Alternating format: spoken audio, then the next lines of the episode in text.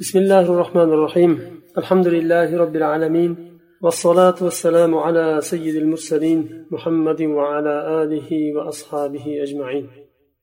اللهم علمنا ما ينفعنا وانفعنا بما علمتنا وزدنا علما يا عليم أصول فقه القيود الكاشفة da to'xtagandik. Mutloq va muqayyat bobida. Bugun muqayyatlarni qaydlarni bir yana bir turini o'rganamiz al quyudul kashifa kashf qiluvchi qayd bir narsa noma'lum bo'lib qolganda uni muqayyat keladida o'sha murod nima ekanligini bayon qiladi al aslu fil quyudi an takuna lil ikhraj كما تقدم في الأمثلة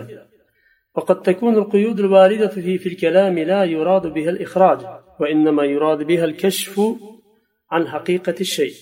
قيد لردا asl muqayyatlarda ya'ni muqayyat dalil qayd qiluvchi dalillardagi asl aslida ixroj. O'sha maqsad qilinmagan narsalarni dalildan chiqarishlik. Masalan aytamiz raqobati mo'mina bo'lib keldi. Raqoba deganda qullarni hammasi tushuniladi raqoba mo'mina mo'mina sifati bilan muqayyat bo'ldi. Qayd qiluvchi dalil keldida muqayyat qildi. Bundan murod maqsad qilinmagan nimalarni chiqarish qullarni. Bu yerda mo'mina mo'min quldan boshqalari maqsad qilinmadi. Mo'min bo'lmagan qullar maqsad qilinmadi. Demak mo'min bo'lmaganlarni bu qayd qiluvchi dalil keldida dalildan chiqardi. Yuqorida o'tgan edik ba'zan qayd qiluvchi dalillar ixroj uchun emas kashf qilish uchun vorid bo'ladi. bir narsani haqiqatini kashf qilish uchun alloh taolo qur'onda aytyapti ومن يدعو مع الله إلها آخر لا برهان له به فإنما حسابه عند ربه كم الله بلان برجلكتا الله بلان برابر yana boshqa bir ilohga burhon bo'lmagan uni iloh ekanligiga dalil bo'lmagan boshqa yana bir ilohga ibodat qiladigan bo'lsa uni hisobi allohning huzuridadir robbisining huzuridadir bu yerda فليس يعني ذلك جواز دعاء إله آخر ذي برهان وإنما المراد بيان أن أي آلهة أو إله غير الله فلا برهان عليه bu yerda olloh bilan barobar iloh ekanligiga dalil bo'lmagan boshqa bir ilohga ham duo qiladigan bo'lsa ibodat qiladigan bo'lsa deyildi Bunday degani burhon bo'lmagan iloh dalil bo'lmagan iloh. Demak dalil bo'lgan iloh bo'lsa bo'laverar ekan degan ma'no chiqmaydi bundan bu yerda faqatgina ochiqlashlik uchun bir narsani haqiqatini kashf qilishlik uchun keldi ya'ni bu degani ollohdan boshqa har qanday ma'bud insonlar tarafdan iloh qilib olingan narsada uni iloh ekanligiga dalil yo'q degani bu. وكقوله تعالى في سياق المحرمات وربائبكم اللاتي في حجوركم من نسائكم اللاتي دخلتم بهن. فلا يعني ذلك جواز نكاح بنت الزوجة التي لم تكن في حجرك أي لم تقم أنت بتربيتها وإنما عبر ذلك لأن الغالب على بنت الزوجة أن تتربى في رعاية زوج أمها فيكون من باب البيان لمعنى الربيبة بما يعرفه المخاطبون الله تعالى نساء سورة وربائبكم اللاتي في حجوركم ربائب bir kishi bir ayolga uylandi qizi bilan birga uylandi u ayolni yonida oldingi eridan qizi bor edi birga oldida shu qizni uyida bag'rida katta qildi tarbiyalab Buni robaib deyiladi. Fi hujurikum degani bag'ringizda degani. Va bu yerda bu degani agar bag'ringizda o'smagan bo'lsa u qiz o'ylansangiz bo'laveradi degan ma'no chiqmaydi. Nima uchun bo'lmasam fi hujurikum keldi degan savol bo'lsa alloh taolo fi hujurikum dedi bag'ringizda o'sgan ayollaringizni qiziga uylanishlik mumkin emas. Harom qilingan deyildi. Oyatda bu demak bag'ringizda o'smagan bo'lsa harom emas ekan uylansangiz bo'laveradi degan hukm chiqmaydi bundan. Ya'ni sizni tarbiyangizda o'smagan bo'lsa. Buni alloh taolo ag'lab vaqt holatlarda ko'pincha bu yetim qiz onasi bilan qo'shilib yangi ya'ni bu ayolni ikkinchi ernikida o'sadi tarbiya topadi. Ko'pincha shunday. Ba'zan balkim u erkakni uyida o'smasligi mumkin. tarbiya topib lekin ko'pincha ko'p hollarda agar xotin qizi bilan ikkinchi erga chiqadigan bo'lsa yonidagi qizi ikkinchi erini yonida uyida tarbiya topib o'sadi shuning uchun alloh taolo shunday dedi ya'ni aksar hollarda shu yetim qiz onasini ikkinchi erini uyida o'sganligini nazarda tutilgan holda shunday deyildi وفي حجوركم نمرات aytilyapti فيكون من باب البيان لمعنى الربيبة robibani ma'nosini bayon qilishlik uchun robiba tarbiya so'zidan olingan tarbiya so'zidan olingan ya'ni erkakni uyida tarbiya topib o'sgan تنبيه beryaptilar لمزيد من التوسع في مباحث الدلالات راجع تفسير النصوص في الشرع الإسلامي للدكتور محمد أديب صالح وبيان النصوص التشريعية للشيخ بدران أبو العينين dalolatlar bobida kengroq bilishni istasangiz ikkita kitobni tavsiya qilyaptilar. Tafsir nusus fi al islomiy degan kitobda. Bu kitobni muallifi doktor muhammad adib solih va ikkinchi kitob bayon nusus tashriiya bu kitob muallifi shayx badron abulaynay ekan. Endi tamrin yuqoridagi darslarga taalluqli bo'lgan tamrinlar. Alal umum xusus val itloq va taqyid bu yerda umum va xusus va itloq va taqyid haqida tamrinlar keladi birinchisi اذكر الألفاظ العامة والخاصة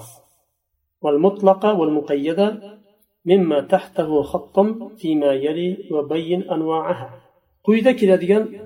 jumlalarda ostida xat chizilgan deyilgan lekin bu yerda xat chizilmagan faqat qalin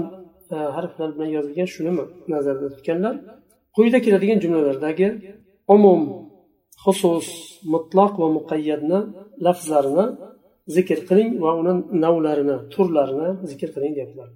muhammadun rasululloh allohu valiyullazina amanu kullu man عليها فان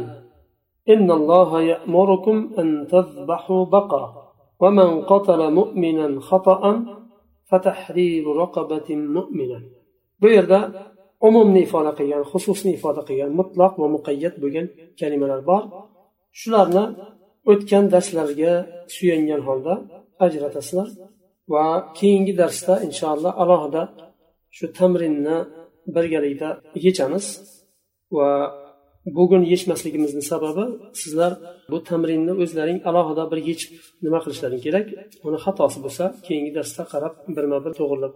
o'tamiz chunki bu tolibi ilm uchun berilgan tamrin tolibi ilm o'zi alohida ishtirok qilishi kerak undan keyin tekshirishda xatolar to'g'rilanadi ikkinchisi ورد في الحديث الماء طهور لا ينجسه شيء وفي حديث آخر إذا بلغ الماء قلتين لم يحمل الخبث فهل يبقى حكم الحديث الأول على عمومه أم يقتصر التنجيس على ما دون قلتين بين كيف يعود القول في هذا إلى القواعد المتقدمة حديث keladi suv pokiza narsadir hech qanday narsa suvni najosat qilolmaydi boshqa hadisda agar suv qullatayn taxminan ikki yuz litrga to'g'ri keladi qullataynga yetadigan bo'lsa ya'ni ikki yuz litrga yetadigan bo'lsa ikki yuz litr va undan ko'p bo'lsa la yahmilul xabas najas bo'lmaydi ya'ni bir oz bir najosat tushganda u suvni najosat qilolmaydi magar uni ham nimasi bor agar uchta sifatidan bittasini o'zgartirsa yo hidini yo rangini yo ta'mini بين كيف يعود القول في هذا إلى القواعد المتقدمة فهل يبقى حكم الحديث الأول على عمومه yuqoridagi birinchi hadis umumida qolaveradimi suv suvni uni hech narsa najosat qilolmaydi deyildi tohir bo'lgan narsadir deyildi yoyinki qullatayndan qullatayn va undan ko'p bo'ladigan bo'lsa shunga taalluqli bo'ladi bu hukm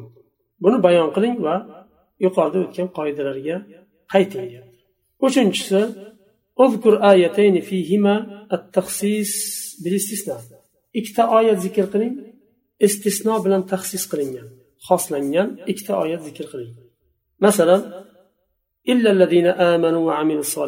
bu istisno bilan taxsis qilindi shunga o'xshagan ikkita oyat zikr qiling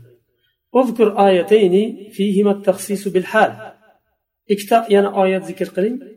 taxsis unda hol bilan bo'lsin اذكر آيتين فيهما التقييد بالصفة yana ikkita oyat zikr qiling unda taqyid sifat bilan bo'lsin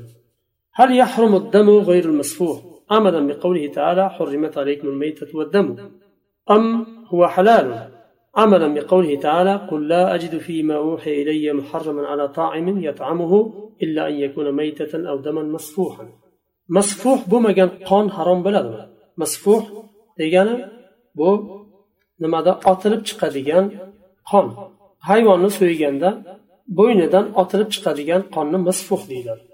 Masfuh bo'lmagan qon harom. Oyat keltiryaptilar alloh taolo qur'onda sizlarga o'limta va qon harom qilindi. Bu yerda masfuh deyilmadi umuman aytilindi yoyinki bu masfuh bo'lmagan qon halolmi? Chunki alloh taolo boshqa oyatda aytyapti. Ayting ey muhammad alayhissalom men o'zimga vahiy qilingan narsalarda harom bo'lgan narsani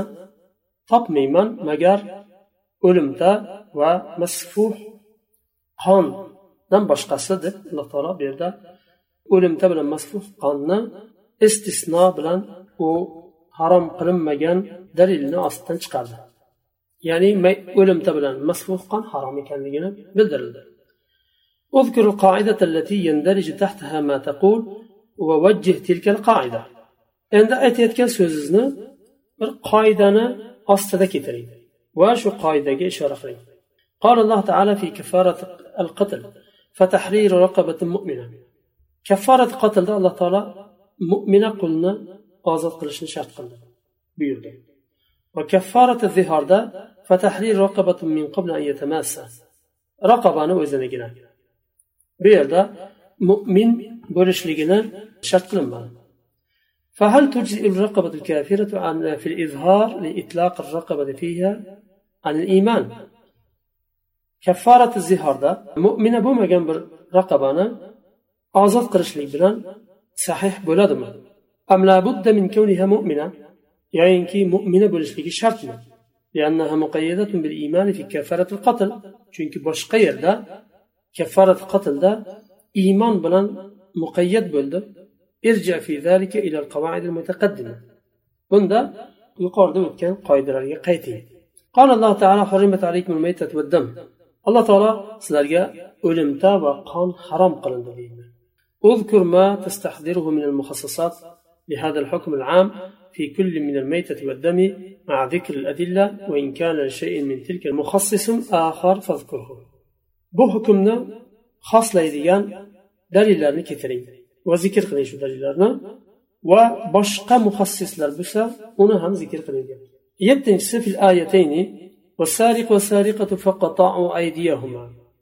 o'g'ri erkak va o'g'ri xotinni qo'lini kesing deb alloh taolo buyurdi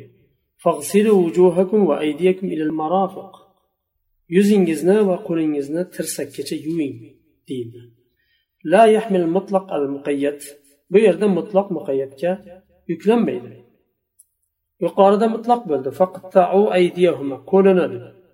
mutloq qilindi chegaralanmadi masalan tirsakkacha dedi tahoratda bo'lsa cheklandi tirsakkacha deyildi bu yerda mutloq muqayyatga yuklanmaydi nima uchun chunki hukm